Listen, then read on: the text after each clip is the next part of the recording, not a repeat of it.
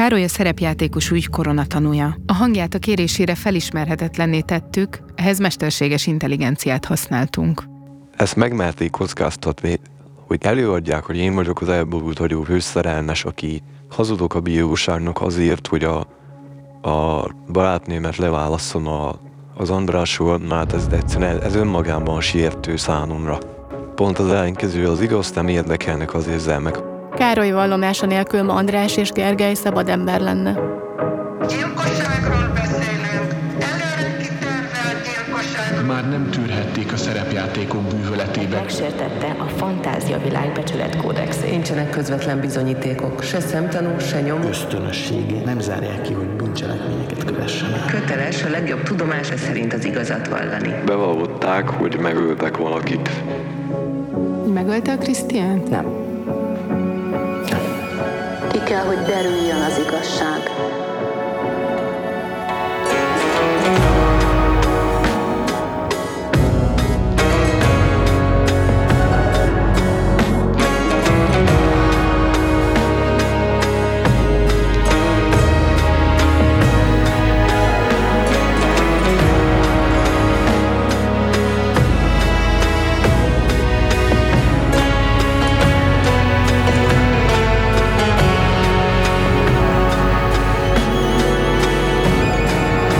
Veronika vagyok, Jelencs Kukata, és ez a szerepjátékos gyilkosság. Telex nyomozó podcastja.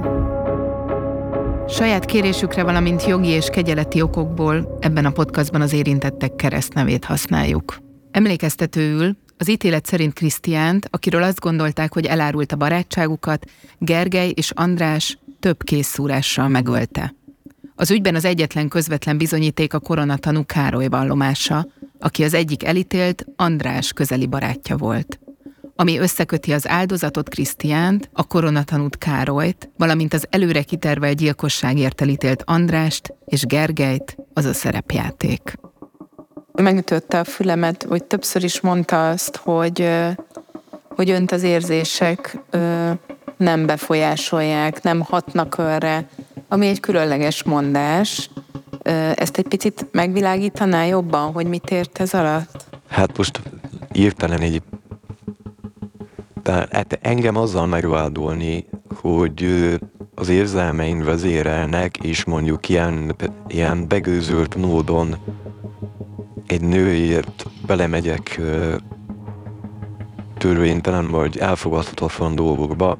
Ez körülbelül olyan, mint hogyha Mahatma Gandhi tömeggyilkossággal vádolnák meg, tehát hogy ö, nonsens. Én alapvetően egy olyan ember vagyok, aki nem hallgat az érzelmeire, racionális ember vagyok, mindent szeretek alaposan átgondolni. Azon is hónapokig gondolkodott, hogy leül velünk. Így van, és én tényleg 12-szer átgondolok valamit, de amikor döntök, akkor az el van döntve, és az racionálisan már elmentve. Ebben az epizódban bemutatjuk Károlyt, azt az embert, aki végső soron börtönbe juttatta az elítélteket, aki az egyik elítélt András közeli ismerőse, mondhatnánk barátja volt. És aki összejött András szerelmével, majd három és fél évvel Krisztián eltűnése után elment a Teve utcai rendőrkapitányságra, és azt mondta a rendőröknek, hogy András és Gergely bevallották neki Krisztián meggyilkolását. Három diplomás, egyebek mellett pszichológus végzettségű, magas, barnás hajú, barna szemű, határozott fellépésű férfi. Kora ötvenes, jó pár évvel idősebb Andrásnál és Gergőnél, a szerepjátékos gyilkosság két elítéltjénél, és húszszal több András volt szerelménél, aki most már az ő felesége. Rendszeresen szerepjátékozott a két későbbi elítéltel, sőt, volt idő, amikor András közeli barátjaként gondolt rá. Károly viszonya a barátsághoz azonban nem igazán hétköznapi. Andrást abban az időben a barátjának tekintette? Nehéz kérdés, nem, nem igazán a barátaim, tehát hogy nálam ez, ez nem egy központi kérdés. Tehát én azt gondolom, hogy, hogy nem mondhatom, hogy András a barátom volt, vagy a barát, barátomnak tekintettem, de szerintem fordítva is indult. Pont ezt kérdeztem volna, hogy is olyan András barátjának tekintette. Nem tudom, szerintem nem feltétlenül, de hanem itt megint ugyanott tartunk, hogy az áruló fogalma és a barátság fogalma, amit mi, mi, nincsenek mi tartozik bele. Lehet, hogy az András ezt barátságnak gondolta. Szerintem egy, egy, egy pozitív ismerettségről beszéltünk. De önnek mit jelent a barátság egyébként? Hát nem tudom mondom, mert nekem nincsen barátaim, tehát ö, szokták mondani, hogy, hogy nem tudom, tehát én nekem nincs élő tapasztalatom erről rólni az, hogy barátság. Tehát az, hogy emberek összejárnak, közös érdeklődési körök van beszélgetni, ez, ez megesik. Tehát ö, nem erről volt szó, ebben a társaságban erről volt szó. De nem tudom, hogy a barátság pluszban még mit jelenthet. Tehát, hogy ez, ez, a, ez a kérdés már nem biztos, ugyan, ugyanarról beszélünk.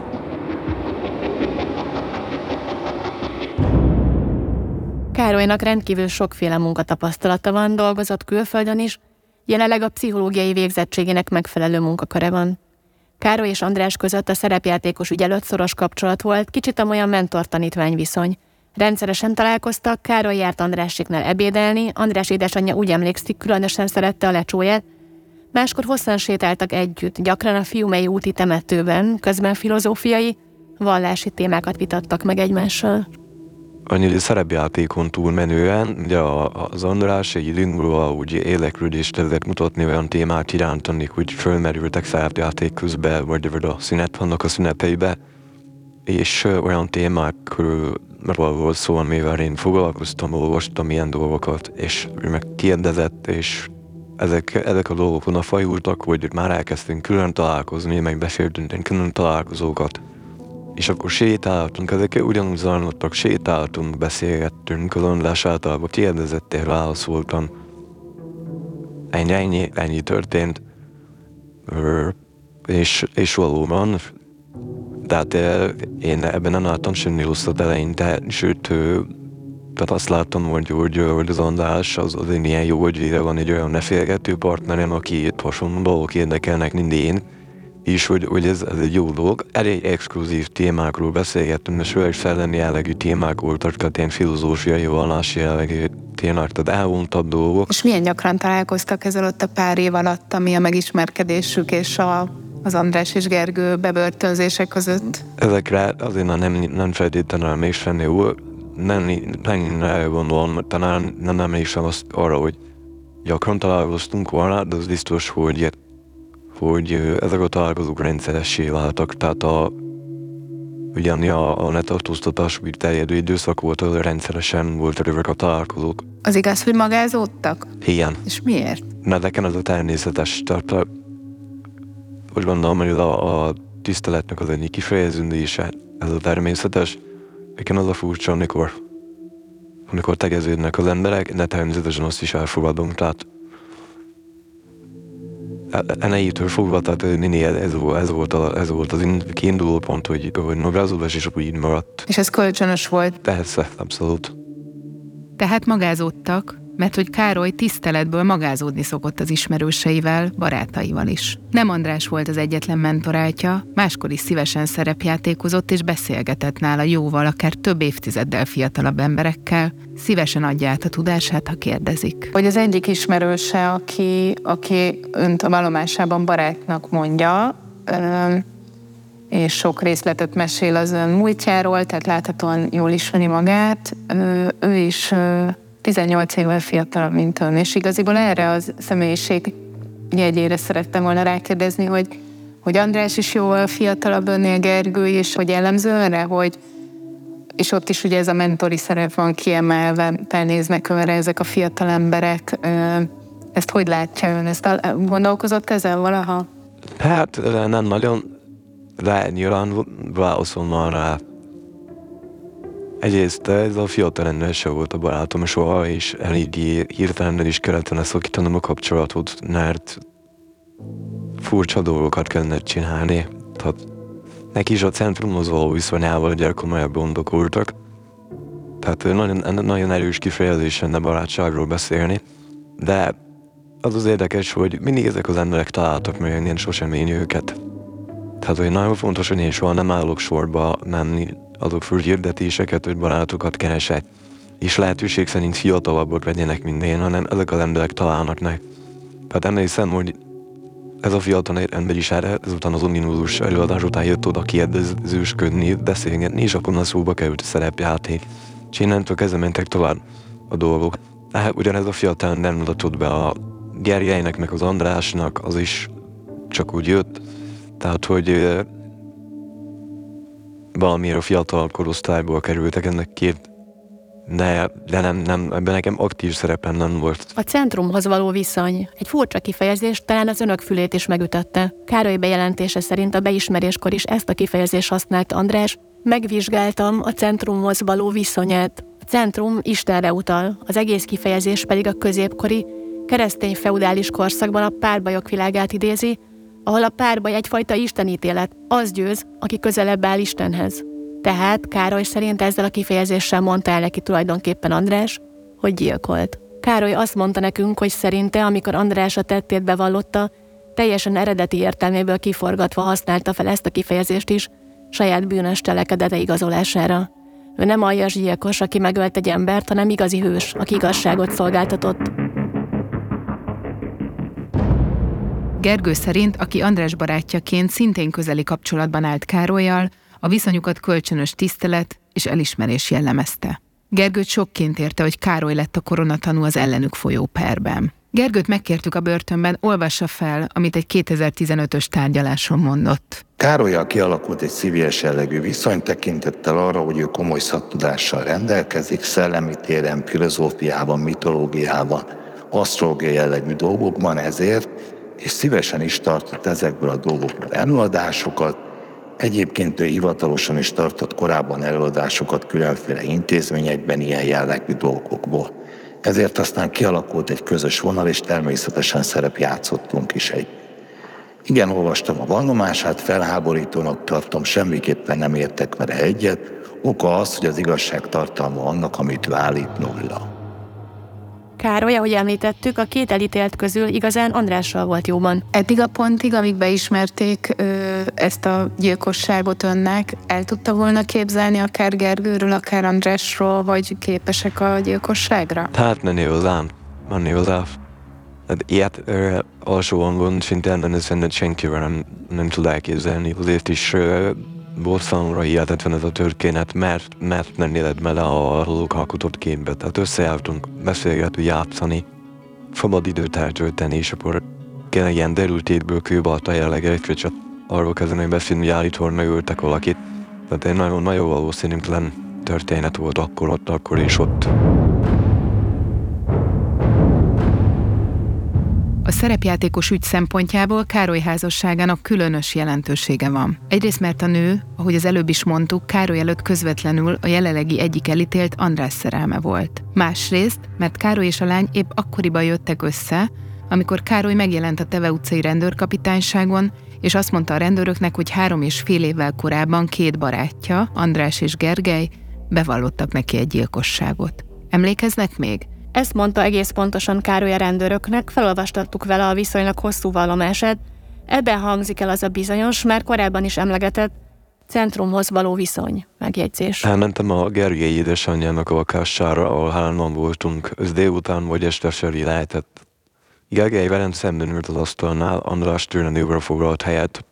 Egészen addig abban a hitben voltam, hogy vagy szerepjátékozni fogunk vagy beszélgetünk, szóval szokásos forgatókönyvvel zajlik a találkozó. A szerepjátékokra vagy Gergely, vagy én voltunk a mesélőkart beszélni is alapján, viszont teljesen más dolog történt, mint amire számítottam. Gergely megkérdezte tőlem, hogy emlékszem az árulóra. Gergely korábban szóba sem került az az áruló. Én ezen a ponton azt sem tudtam, kiről beszélnek. Nem tudtam ki a személy, és nem tudtam, milyen árulásról van szó. A beszélgetés rögtön az, ezzel kezdődött. Gergely már készpénzként vette, hogy András besőrt nekem az árulóról.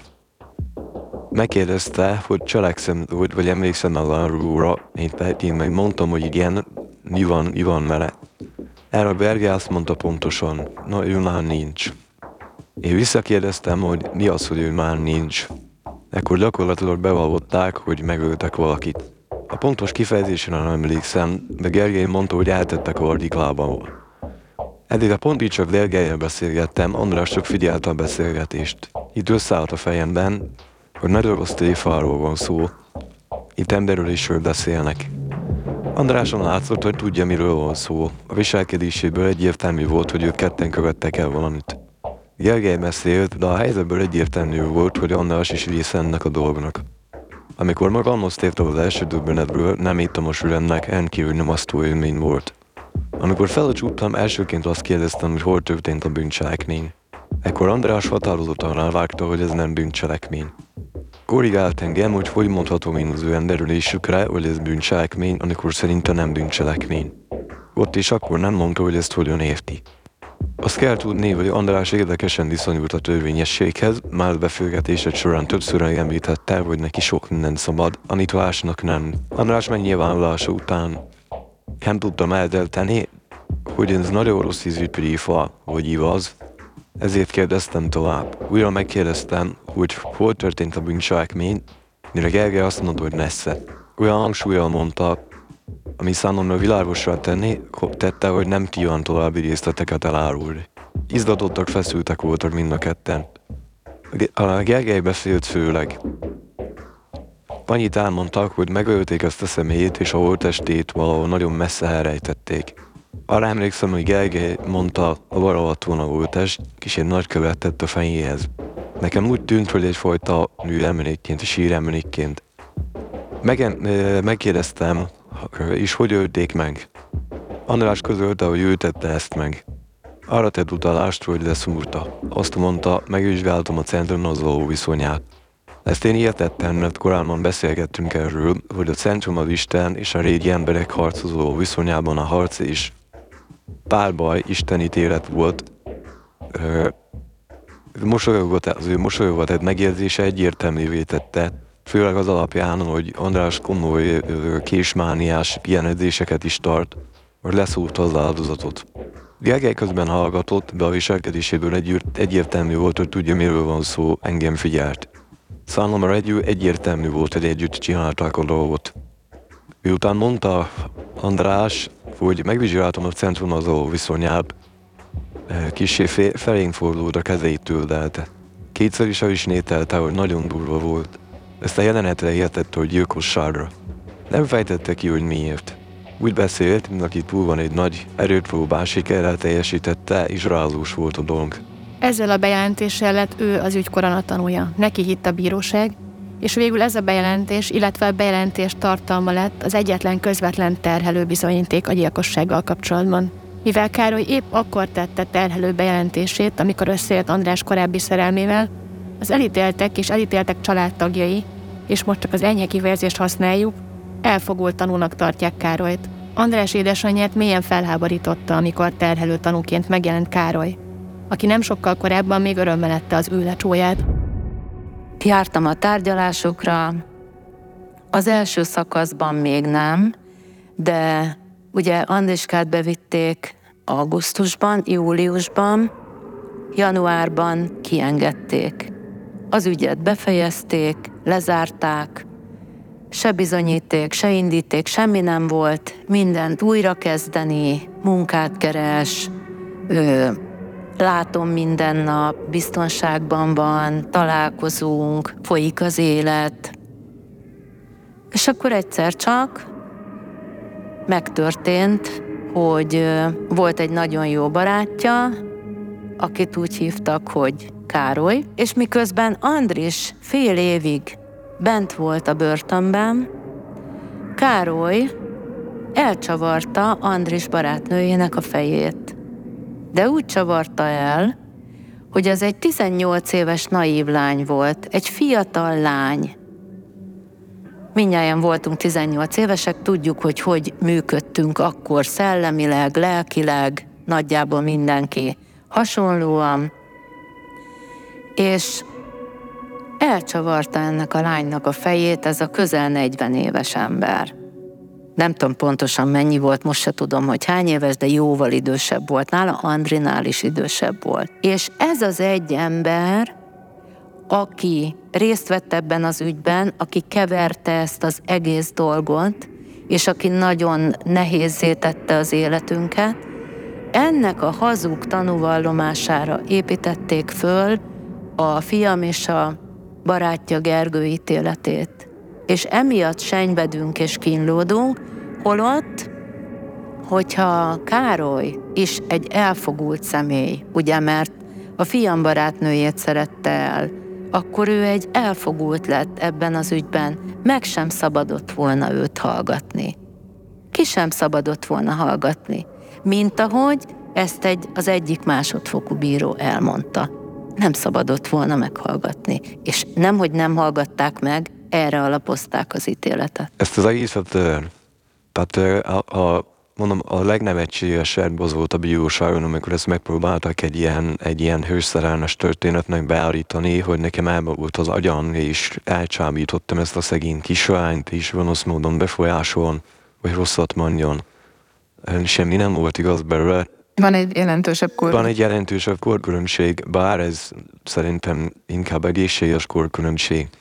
De a lényeg az, hogy, hogy ez egy abszolút ilyen, mondhatom, hogy egy ilyen angol felek között kialakuló kapcsolat volt, de a venejétől fogva a maximálisan tiszteletbe tartottam szabadságát, a döntéseit. És, és ehhez semmi köze nem a részemről, ennek semmi köze nem volt semmilyen ilyen hőszerelne dolgok. Aki engem ismernél, az, az tudja, hogy ez botrány egyáltalán feltételezni róla ilyesmit.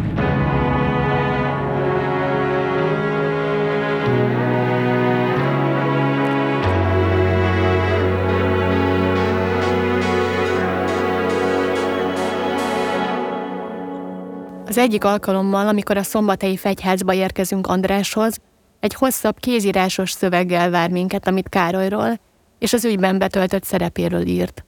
Nagyon fontos neki, hogy pontosan fogalmazom vele kapcsolatban. Hallgassunk meg pár részletet ebből a szövegből, amit András fel is olvas nekünk a fegyház zeneterápiás helyiségében. Ki a Károly? A sajtóban idáig annyit hallhatott róla a nyilvánosság, hogy ő az a barát, akinek bevallották a gyilkosok az emberölést.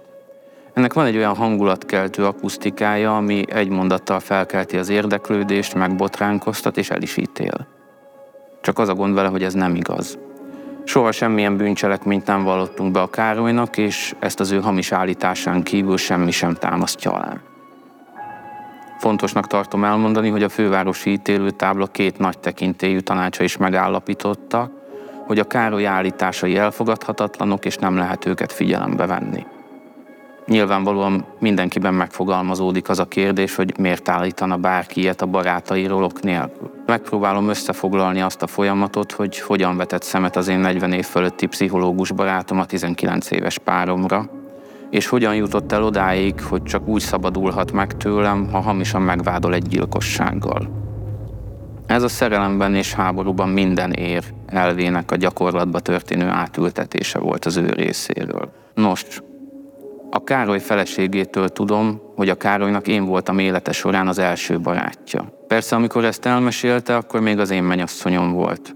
Akkor én már említeni kezdtem, hogy van egy fajta személyes kapcsolat ezen a ismerettségen túl az András és ön között, mégpedig az, hogy, hogy, hogy az András volt barátnőjét, végül is aztán barátnője végül is az ön barátnője lett, majd később még ennél is szorosabbra fűzve a kapcsolatot a felesége. Mit reagálna azoknak, akik emiatt önt mondjuk elfogult tanúnak, vagy elfogult embernek tekintik ebben az ügyben? Az igaz, hogy elfogult tanú vagyok, de én a gonoszszal szemben vagyok elfogult. Ezt érteni kell. Ez a történet erről szól, két gyilkosról szemben igazságszolgáltatásról, és soha nem volt köze semmiféle párkapcsolati drámához. A csak mellékesen zajlott, ráadásul úgy, hogy abban nekem szinte semmi szerepen nem volt. Egy ilyen feltételezés csak abban merülhet fel, aki nem ismer engem, az elkövetőket sem, és az események menetét nem látta belülről. A hölgyel csak akkor fonódott szorosabbra a kapcsolatunk, amikor már régek eldöntötte, hogy szakít Andrással. Más kérdés, hogy ezt András persze nem akarta elfogadni, mint ahogy az sem, hogy az a kapcsolat ő miatta ment tönkre, ezt is hárította. Ilyenkor szokás bimbakot keresni, aki nyilván életten, ráadásul alszon dűnnak. Tudtam, hogy a lelek mellett a másik főírv, amit előfordult majd hozni a bíróságon, hogy miért nem kell odafigyelni arra, amit mondok, az az lesz, hogy biztos azért, mert az András volt barátnőivel viszonyunk van, és akkor most ez valamiféle ilyen szellenefejtős történet, de mi sem ám eszembe a valóságtól. Mivel senki más nem volt jelen azon a bizonyos napon, amikor egy asztalnál ülve Károly szerint Gergő és András bevallottak neki egy gyilkosságot, valójában csak ez a három férfi tudhatja, ki az, aki igazat mond. Károly viselkedése több szempontból is nehezen érthető.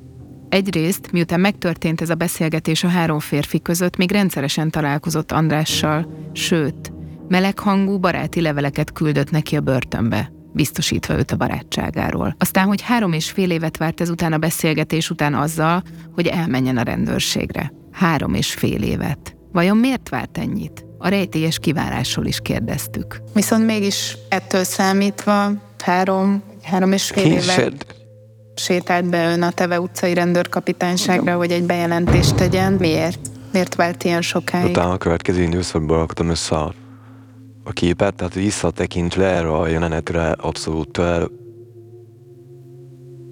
igazolt minden, ami ott történt és elhangzott, de akkor még nem volt az ennyire egyértelmű, tehát én utána névelő találkoztam szerepjátékosan is, csak azután kezdtem ezen komolyan gondolkozni, amikor kiderült, hogy tényleg történt ilyen cselekmény, tehát előkerült egy holtest, és őket gyanúsítják. Tehát akkor, nekem akkor esett le a tantusz, hogy, hogy ez nem csak egy, egy rossz ízű volt, hanem ez tényleg megtörtént. Teljesen egyértelműen, hogy a Pérhely abszolút képes arra, hogy egy ennél hidegnél gyilkosságát megtervezve kitalálja, és végrehajtsa, és András is képes erre, és ezután egyre jobban összeállt a kép, hogy igen, itt, itt Meglehetősen gátlástalan emberekről van szó, akik sok mindent meg tudnak engedni maguknak. Lassítottan dolgot, hogy mivel ne tartóztatták őket, én halálbiztos lettem, hogy többet ők nem jönnek ki a börtönből. Mert ők voltak. Tehát úgy gondoltam, erről nekem nincs semmi dolgon már. Később viszont, amikor ugye bonyolódott a helyzet, akkor viszont ö, azzal kellett szembenézni, no, hogy valószínűleg egy elhúzódó eljárásra kell felállítani, ahol engem meg fognak hurcolni, tehát bennényére fognak állítani, el ne fognak oldani mindenféle hazugnak, amistannak, mindenféle problémát fogok a nyakamra venni. Hát ugye ezért igyekeznek a vendek szerintem Magyarországon elkerülni azt, hogy bíróságnak kelljen járniuk, ez egy nagyon kellemetlen procedúra. Tehát ezek nyilvánvalóan lassították a folyamatot, és amikor már jött ez a barátnős dolog, akkor tudtam, hogy ezt is bele fogják venni.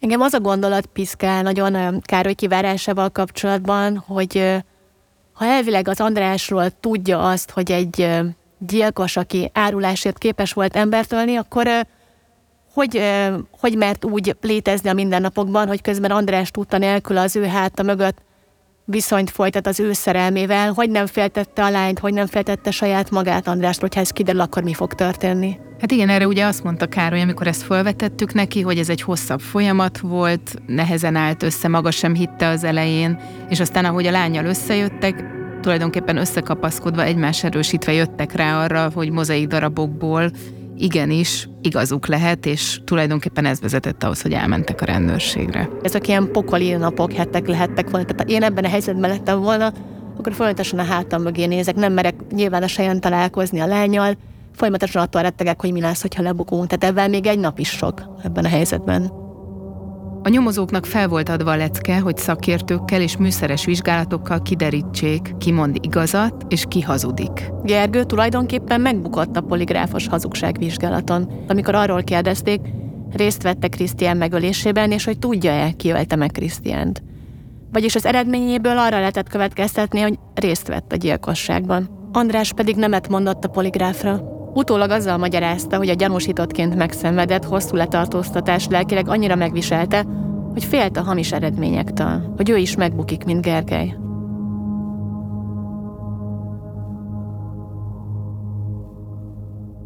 De vissza Károlyra. Érthető módon a koronatanú szavahihetőségét több különböző módszerrel alaposan megvizsgálták a hatóságok. Misóci József ügyészségi szóvivőt kérdezzük erről. Úgy is olvashatjuk ezt a történetet, hogy ő hogy ő neki jobb, hogyha rácsok mögött marad az az illető, aki ellen ö, ő tanúvallomást tesz. Ez az ügyészség előtt is ismert volt, a nyomozhatóság előtt is. Ilyenkor mindig feladata a nyomozhatóságnak, ügyészségnek is, hogy lehetőleg szavai hihető tanú. Tehát, hogy a tanú az, az ellenőrizni a szavai hihetőségét. És hogyha vannak ilyen, mondjuk úgy, hogy szavai hihetősége ellenható körülmények, például ez, hogy miért nem jelentkezett eddig, Nyilván erre meghallgatja a nyomozhatóság, és megpróbálja ellenőrizni. Itt jelen ügyben pszichológus is megvizsgálta a tanút. A pszichológus ilyenkor azt vizsgálja, hogy mennyire életszerű, amit elmond. Különböző ellenőrző, visszatérő kérdésekkel, tesztekkel tudja, ha, ha feltételezett igazmondását alátámasztani, és nyilván a pszichológus vizsgál valakit, akkor a személyiségrajzából azt is meg tudja mondani, hogy annak a tanulnak a eddigi motivációit fűti az ellentét, tehát hogy hogyan viszonyul az elkövetőkhöz. Ezeket az eljárás során ellenőriztük, és ezt követően adtunk csak hitelt a, a tanúvallomásának. Arra voltak kíváncsiak, hogy az egyetlen közvetlen bizonyítékot szolgáltató személy hazudik-e vagy sem, amikor állítja, hogy Gergő és András bevallották neki Krisztián megölését. Károlyt megnézte igazságügyi pszichológus, ellenőrizték a szava hihetőségét poligráfos hazugságvizsgálattal is, de még az ügyvédek jogvédők által hevesen kritizált, és az azóta a bűnügyi bizonyítási eljárásokból kizárt személyiségelemzést tartalmazó grafológiai vizsgálatot is végeztek rajta. Mindegyik vizsgálat azt mutatta, Károly igazat mond. Ezeket kérdezték tőle a poligráfos vizsgálatnál 2013. december 21-én. Az ön keresztneve Károly? Igen. Ma szombat van? Igen. Budapesten vagyunk? Igen. Fontos dologban hazudott-e ön azért, hogy felelősségre vonást elkerüljen? Nem. Hazudott ön azért, hogy mást bajba keverjen? Nem. Ott volt ön a helyszínen, amikor Krisztiánt megölték? Nem. Részt vett Krisztián megölésében? Nem. Őszintén fog válaszolni a Krisztián megölésével kapcsolatos kérdésekre? Igen. Mindezek alapján a szakértő arra jutott, A vizsgálat alatt regisztrált élettani változások szerint a vizsgált személy a feltett kérdésekre nem adott megtévesztő válaszokat. Ugyanekkor 2013. decemberében a poligráffal hasonló időszakban pszichológus szakértőt is kirendeltek a Pest megyei kapitányság nyomozói, akinek egy csomó feladata volt Károlyal kapcsolatban. Állást kellett foglalnia arról, hogy valószerűen, élményszerűen mondja-e azt, amit mond. Hogy előfordulnak-e a történeteiben szándékos torzításra utaló elemek, hogy egyáltalán milyen a személyisége, milyen az intellektusa, hogy milyenek az érzelmi kapcsolatai, titkol-e bármit a hatóságok elől. Nem egyszerű feladat, és végül ez a szakember is arra jutott, hogy Károly alapvetően szavahihető, nem hazudik. Ugyanakkor elgondolkodtató választ adott a szakértő arra a kérdésre, hogy lehet-e olyan a bűncselekménnyel kapcsolatos körülmény, amit a tanú eltitkol?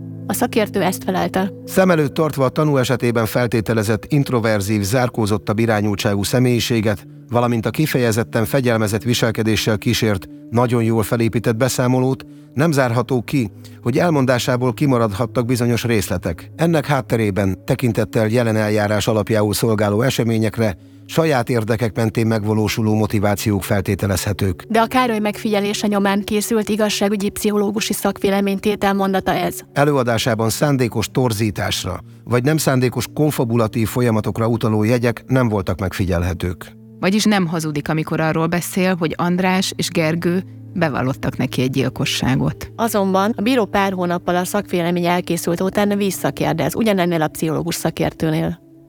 Az a tény, hogy Károlynak van pszichológus végzettsége, befolyásolhatja-e ezt a vizsgálatot? A szakértő válasza röviden az, igen. Kicsit hosszabban pedig, Az egyetemi pszichológia szakos végzettség önmagában nem teszi kivitelezhetetlenné a teljes személyiségvizsgálatot. Annak eredményére azonban nagy valószínűséggel hatással van. Ugyanis a pszichológia szakon szerzett egyetemi diploma a szakértői gyakorlatban használatos vizsgálóeszközök esetében mind az eljárás módszerei, mind pedig célja tekintetében még a konkrét teszt ismerete nélkül is olyan általános tudásanyagot biztosíthat, ami hatással lehet a vizsgálat alatti bevonódásra, és korlátozhatja a spontán kivitelezést. Ennek eredményeképp a vizsgált személy igyekezhet a szakmai háttértudás alapján optimálisnak vélt módon reagálni, válaszolni, ami jelentősen befolyásolhatja a kapott eredményeket. Károly írását grafológus is vizsgálta, és ő is megállapította, hogy az írásképe szerint igazat mond. Talán ez a legérdekesebb szakvélemény abból a szempontból, hogy Károly írás mintái alapján 22 oldalas véleményt ír Károly személyiségéről az igazságügyi grafológus, Ilyeneket például pusztán az írása elemzésével, A másokra gyakorolt manipuláló hatással élhet, fellépése, tudatos működése, hatásos, meggyőző kommunikációja erős hatással lehet a befolyásolható személyiségű egyénekre. Ezáltal nem zárható ki teljes mértékben, hogy másokat manipuláljon. Értékrendjével párhuzamosan azonban kevéssé valószínű, hogy szándékosan rossz irányba a bűnözés felé terelne embereket. Hazugságra utaló jelek egyáltalán nem voltak detektálhatóak nála. A vizsgált személy reakciói állításainak valóságtartalmát igazolták. Két évvel később gyakorlatilag kitették a grafológusokat a tárgyaló termekből. Már nem számítanak az igazságügyi szakértők közé, Legfeljebb eseti szakértőként kérdezhetik meg a véleményüket.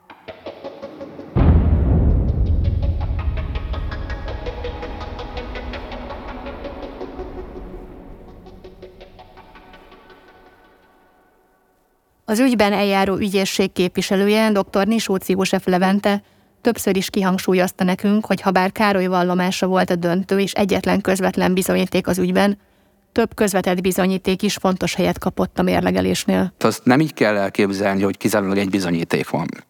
Amit mondtam, hogy több bizonyítékot beszereztek már a nyomozás megszüntetésekor is, csak annak a mérlegelése alapján jutottak el arra, hogy ehhez nem lehet ilyen módon elkövetőt kötni. Tehát aztán a, a későbbi tanú vallomása szolgáltatta azt a döntő bizonyítékot, ami más megvilágításba helyezett más, már korábban beszerzett bizonyítékokat. Tehát itt nem arról van szó, hogy jött egy ember, és az mindent megváltoztatott addig, és borított minden. Itt arról volt szó, hogy már voltak részadatok, de azokat nem lehetett ilyen módon összekötni. Tehát a bizonyíték hiányos megszüntetés az éppen ezt jelenti, hogy valami történt, tudjuk, hogy valami történt, de nem lehet olyan módon bizonyítani, hogy a mi álláspontunk szerint ez a bíróságon is megállja a helyét.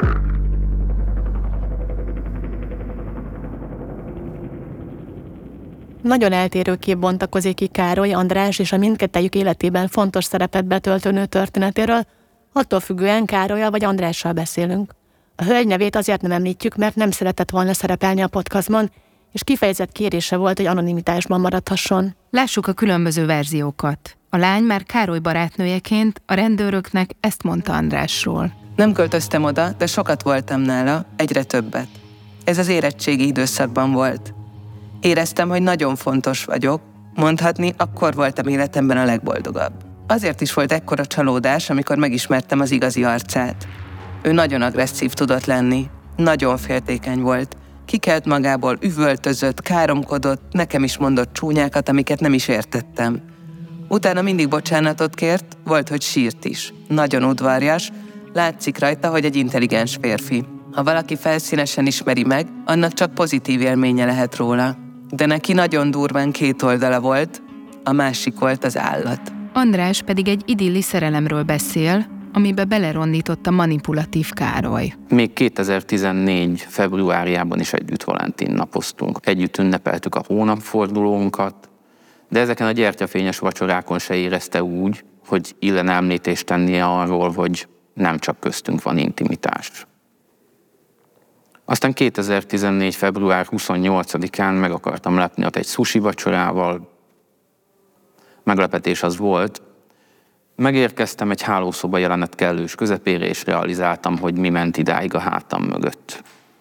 Röviden elmondtam a véleményem, és lepakoltam a susit a konyhaasztalra, nekem el is ment az étvágyam. Ott hagytam őket. Sírva szaladt utánam a lépcsőházba, de nem volt már mit mondanom neki.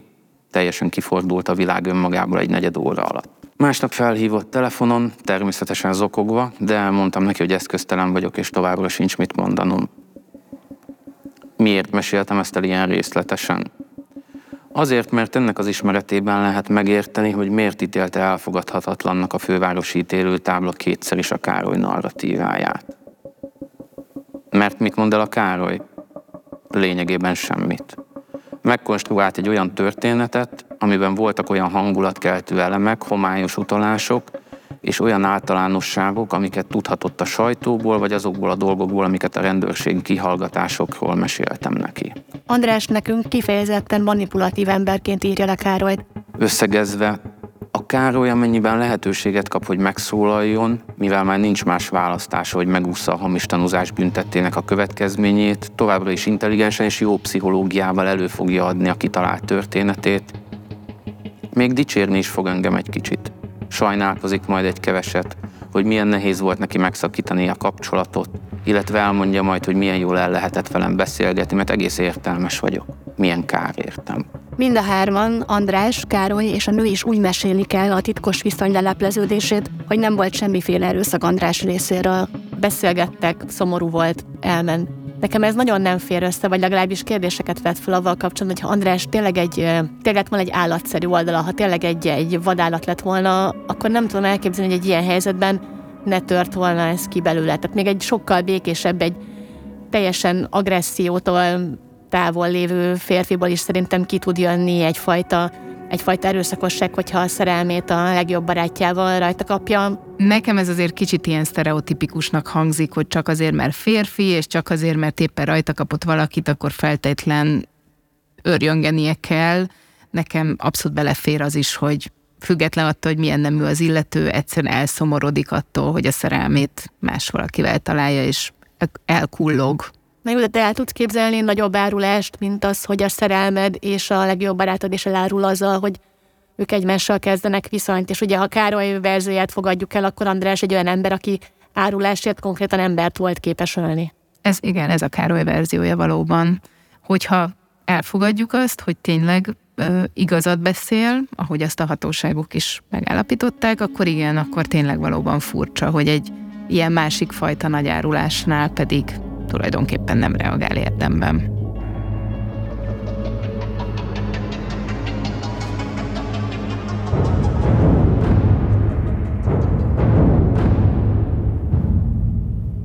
Károly szerinte a lánynak, ahogy egyre jobban megismerte Andrást, egyre jobban kiismerte a természetét, egyre terhesebbé vált a kapcsolat, sőt, András olykor agresszív is volt vele. Így aztán eltávolodtak, szakítottak. Mikor mi közel kerültünk egymáshoz nyáron, a hölgy már eldöntötte, hogy szakít, kapcsolatuk addigra ment. Ehhez nekem közön nem volt, nem szerettem el a hölgyet, nem buzdítottam, hogy szakítson, nem akartam nemtelen módszerekkel magamhoz láncolni, és a többi. Ez a része a legtermészetesebb módon zajlott a hölgy döntése alapján. Andrásra is maradhatott volna, de nem tette. De már a kapcsolat szárba szökkenése előtt beszélgetett Károly és a fiatal nő, hiszen Andráson keresztül jóba voltak. A hölgy 2012-ben megkérte Károlyt, írjon leveleket a börtönbe Andrásnak, aki akkor még a barátja és éppen előzetesben ül. Legalábbis Károly így meséli. András szerint pedig ezek a kedves, melegszívű levelek bizonyítják, Károly alakoskodik és hazug, hiszen ekkor már bőven túl voltak az András szerint, meg sem történt gyilkossági beismerésen. Ha már itt tartunk, a Károly nem egy levelében leírta, hogy felháborítja az igazságtalan fogvatartásom, és mielőbbi szabadulásomat kívánja, hiszen ugyanolyan cipőben járunk. Az élet igazságtalan helyzetekbe sodor mindkettőnket. Ennek még később lesz jelentősége. Ahogy annak is, hogy a levelezésünkben megkértem a Károlyt, hogyha tudja, támogassa lelkileg, hogy ne legyen depressziós, illetve ne tudatmódosítókban lássa a megoldását ennek a drámai helyzetnek.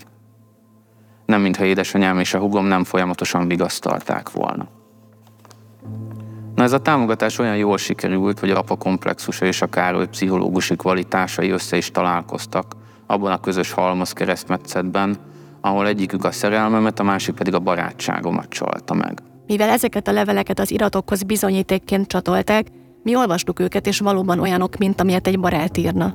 Támogatóak, reményt próbálnak adni, de hallgassuk, mit mond Károly ezekről a szerinte inkább unalmas levelekről. Hogyan alakult ki ez a kapcsolat, vagy hogyan alakult ez a kapcsolat ezzel a völgyel? Úgyhogy, ja, amikor a, az Andrásékat letartóztatták, ugye akkor nekem világ, fennomra világosá vált, hogy ők voltak, és tudtam, hogy már nincs más váltva, csak várnom a, a Bránovi fejletét, tehát az ítéletet, és ugye az András barátnője engem megkeresett Skype-on, mert tudta a Skype címemet megkeresett, és elkezdett nekem írni, hogy tudom, mert mi történt, és, hogy, és ugye a hölgy össze volt zavarodva, tehát hogy András sok mindenbe őt se be, nem tudta, hogy mi ez a letartóztatás, nem tudta, hogy mi ez az egész, és én meg úgy voltam vele, hogy Mariun nem lenne élendő, hogyha most én neki egy tanfolyamot tartanék arról, hogy ki valójában András, és, meg, és valójában egy gyilkoskat. Úgy gondoltam, hogy megkímélem tőle, hogy ezeket én megosszam vele, és, és csak úgy semlegesen beszélgettem rá, hogy nyugalom, meg várjunk, meg mit tudom én. Ö, ennyiben maradtunk, de, de ugye onnantól kezdve a hőz folyamatosan jelentkezett, nem gyakran, de, de rendszeresen jelentkezett, hetente egyszer mondjuk, és kérdezett, hogy tudom én, mi történt, mert mi van, nem tudok semmiről semmit, és ezért jött váratlan fordulatként, hogy ja, személyesen is találkoztunk, kért egy személyes találkozót, és emlékszem, hogy ott is arról beszéltünk, hogy ugye betartóztatták az Andrást, és hogy segíteni kell, és hogy a rokon a mozgósítva lett, hogy segíteni kell az Andrásnak, és hogy én is valahogy segítsek, ugye ez volt a lényege a találkozónak. És ő mondtam a, mondtam a hölgynek, hogy Andrással én nem szeretnék semmilyen kapcsolatot tartani, és én nem szeretném, nem szeretnék neki segíteni sem. Azt nem mondtam el neki, hogy miért, de úgy járta, hogy valami összevesz Andrással, és akkor mondtam, hogy na ő is ezt magára, ezt a dolgot magára veszi, olyan értelemben, hogy majd elsinítja ezt a köztünk levő konfliktust, hogy majd ő rendbe ezt a köztünk levő problémát, és, és de akkor is segítsak az Andrásnak, mert hogy az Andrásnak sokat jelentene az is segítségen, hogy mondjuk e, meglátogatom, vagy, vagy üzenetet küldök neki, vagy valami, és én ezt elállítottam, én mondtam neki, hogy az András számára nekem már nincs mondani jó, de csak, csak nyistő, csak kéz lehet, és uh, úgy voltam, hogy egyrészt megsajnáltam a hölgyet, mert láttam, hogy eléggé van, meg úgy voltam vele, hogy mivel András gyilkos, egy gyilkos, elfogták őket, soha nem jönnek már ki, vagy ha kijönnek, akkor 20 év múlva, tehát igazából most mit számít az a pár nevél? És akkor úgy láttam, hogy ez megnyugtatta a hölgyet. Ráadásul az első, tehát nem is én küldtem az első levelet, az első nevet én kaptam a börtönből, amit az András küldött ki nekem, tehát ilyen késztények elé voltam állítva, és utána ugye akkor ja, barátnője akkor váltott maga sok fokozatot, tehát akkor kezdett nagyon kérlelni, hogy hát, hogyha már az András írt nekem, én mindenképp válaszoljak, mert, mert ez az Andrásnak nagyon sokat jelentene. És akkor, akkor döntöttem úgy, hogy igazából mindent, akkor, akkor írok, és akkor írtam ezeket a leveleket, amiről az András válaszolt a börtönben. Ráadásul ezek meleghangú baráti. Hát, hát, így van, ahogy azt, ahogy azt a Röldi megrendelte, és ez- ezeket úgy kell hogy tanács barátnője. Ezeket, tehát konkrétan elmondta, hogy mik legyenek a levél, nem mondatonként, hanem hogy én támogató és baráti jellegű leveleket írjam Andrásnak, mert, mert az Andrásnak ez senyít. Ez, ez, ez számít. Én több esetben el is olvastam a levelet, még mielőtt ö, perekre, tehát ő, ő, ő vitte el, tehát én nem adtam postára, nem csináltam a levélre semmit, ő itt a levelet, és több esetben a tenőtten olvastam, hogy miket írtam. Tehát ugye ez így működött, Károly azt mondta nekünk, hogy még az is felmerült benne, hogy a levelek megíratása egyfajta taktika volt András részéről. Később gondolkodtam rajta, hogy mennyiben volt ez az ő ötlete, mármint, hogy kompromittáljam magam ezekkel a rákkel, mert nyilván zavarta a tudat, hogy van valaki, aki tud a bűncselekményről. Így gondoltam, hogy biztosítani, mert hát ki tudja. Hát tulajdonképpen azért is hajtotta végre ezeket a kéréseket, mert addigra gyengéd érzelmek fűzték. Semmiféle gyengéd érzelmek nem voltak, tehát itt megint csak azt tudom mondani, hogy, hogy, hogy nincsenek gyengéd érzelmek, tehát nekem barátaink sincsenek, meg gyengéd érzelmeim sincsenek. Tehát annyi hibát követtem el, hogy megsajnáltam a hölgyet, ezt nem összehetjük gyengéd érzelemnek. Láttam rajta, hogy rosszul érzi magát, láttam rajta, hogy ö, veszteségélménye van, láttam rajta, hogy jót akar, és én meg úgy láttam, hogy nincs ösztönű valóm, tehát most legyen. Viszont később rájöttem, hogy ez óriási hiba volt, és ugye amikor a, a bejelentést fontolgattam, akkor tudtam, hogy ezeket a leveleket is fel fogják használni ellenem, tehát gyakorlatilag csupa jó viselműségből magam ellen gyártottam bizonyítékokat. Tehát hiba volt. Ezután a börtönbeli baráti levelezés után kiengedték Andrást és Gergelyt az előzetesből. Nem sokkal ezután pedig az eljárást is megszüntették ellenük, mert nem volt elég bizonyíték. Együtt voltak, ott voltak kint, élték az életüket, és én nem tudtam semmit, tehát hónapokon keresztül.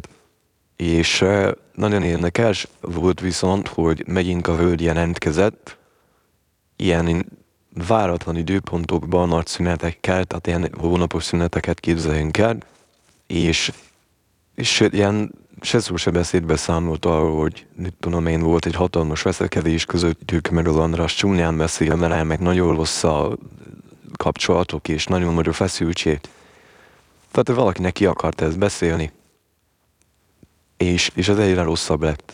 Én még egy kérdés erejéig visszamennék a levelekhez, tehát hogy a barátnője, vagyis akkor még András barátnője, mit gondol, miért önhöz fordult, hogy kvázi támaszt nyújtson Andrásnak? Hát mert hallott volna az Andrástól, hogy én vagyok a, az ő barátja, és akkor ö, én vagyok a, nem tudom én, a az egyik személy, akihez bizalommal tud fordulni, és őt egyszer el is hívott az András magukhoz, én bemutatta nekem a barátnőjét, tehát személyesen is találkoztunk, beszélgettünk is már, tehát valószínűleg ezért történt ez, meg hát meg, meg volt a, a cím, ahol el tudott élni.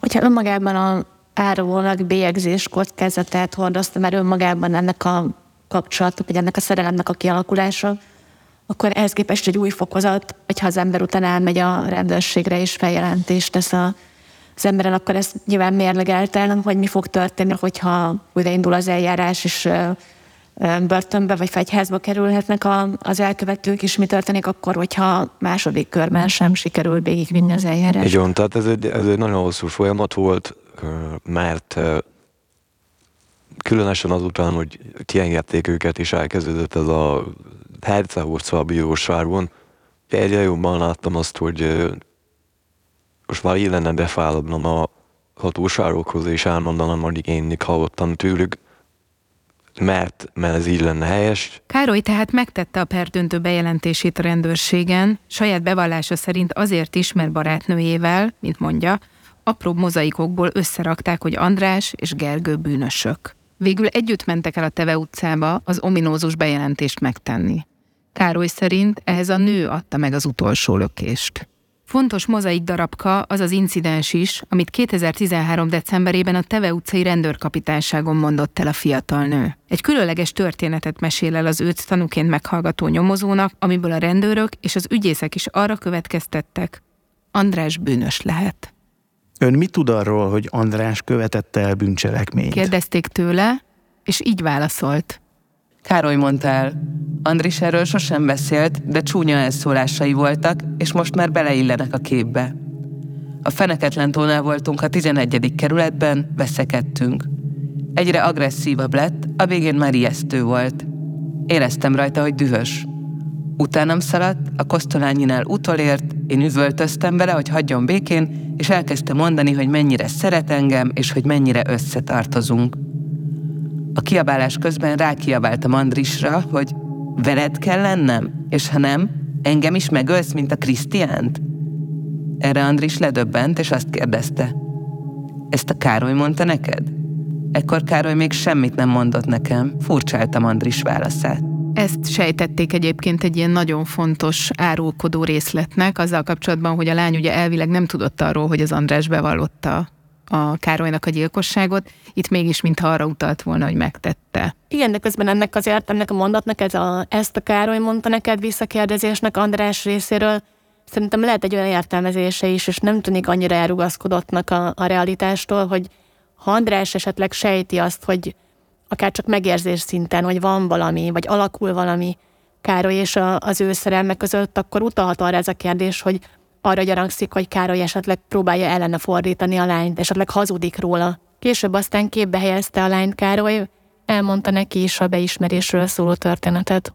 Alapvetően a, az egyik rokonon a Kásán voltunk, itt, itt Budapesten, és már nem is tudom, hogy miért voltunk ott, de voltunk két párszor és beszélgettünk, és sok minden szóba került, és nyilván ez a, ugye ez az András história is szóba került, mert azért ez foglalkoztatott minket, mert én sem láttam még az erőriát, mert ő sem, tehát nyilván ez téma volt, és én is szóba került ez a dolog, és akkor mondtam neki, hogy, hogy hogy az mi szeretnék valamit elmondani, hogy ők, ők voltak. Tehát ő, ő beszélt bűncselekményről, hogy mi lehetett, meg hogy lehetett, és mondtam, hogy akkor most elmondom neked, hogy ők voltak, és 2010 volt, ha tudom ezt, és akkor egyszer elmondták nekem, hogy ők ölték meg ezt az embert. A következő epizódban a nyomozás furcsaságairól, a bűjelek körüli rejtélyekről beszélünk, és megszólal egy holland férfi, akinek az unokaöccse egy kiránduláson nagyobb méretű csontot talált. A csontot egészen Hollandiáig vitte. Ott döbbent rá a család, hogy nem vadállati csont, hanem emberi. Hónapokkal később derült ki, hogy Krisztián maradványainak első darabja. Én Janecskó Kata vagyok. Én pedig Munk Veronika. És ez a szerepjátékos gyilkosság a Telex nyomozó podcastja. Hamarosan jövünk a következő epizóddal. engedjék meg, hogy ajánljam a Telex többi podcastját is. A Telex csapata új, izgalmas podcastokkal jelentkezik. Ha a közélet érdekli, akkor a téma. Ha a könnyű zene, akkor az After, ha a gasztrovilág, akkor az ízfokozó az ön podcastja. Hallgassa itt a Telexen az új podcastjainkat, vagy ott, ahol általában podcastet hallgat. Köszönjük a Holland Veronika Alapítványnak, hogy támogatta a podcastunkat. A podcast készítésekor az Alright beszédfelismerő Speech to Text szoftver segítette munkánkat. Narrátor Nagy Zsolt. Közreműködött Aradi Hanga Zsófia, Arnócki Janka, Barnócki Brigitta, Bozzai Balázs, Csikós Ákos, Előtt Fruzsina, Halász Nikolett, Hanula Zsolt, Kajzer Orsolya, Klák Dávid, Körner Júlia, Patakfalvi Dóra, Rovó Attila, Somogyi Péter, Szalma Baksi Ferenc. Vágó, Pacsorasz Viktor. Zene és sound design, Tövis Hezi Ambrus. Rendező, Fazakas Péter. Készítette Janecskó Kata és Munk Veronika.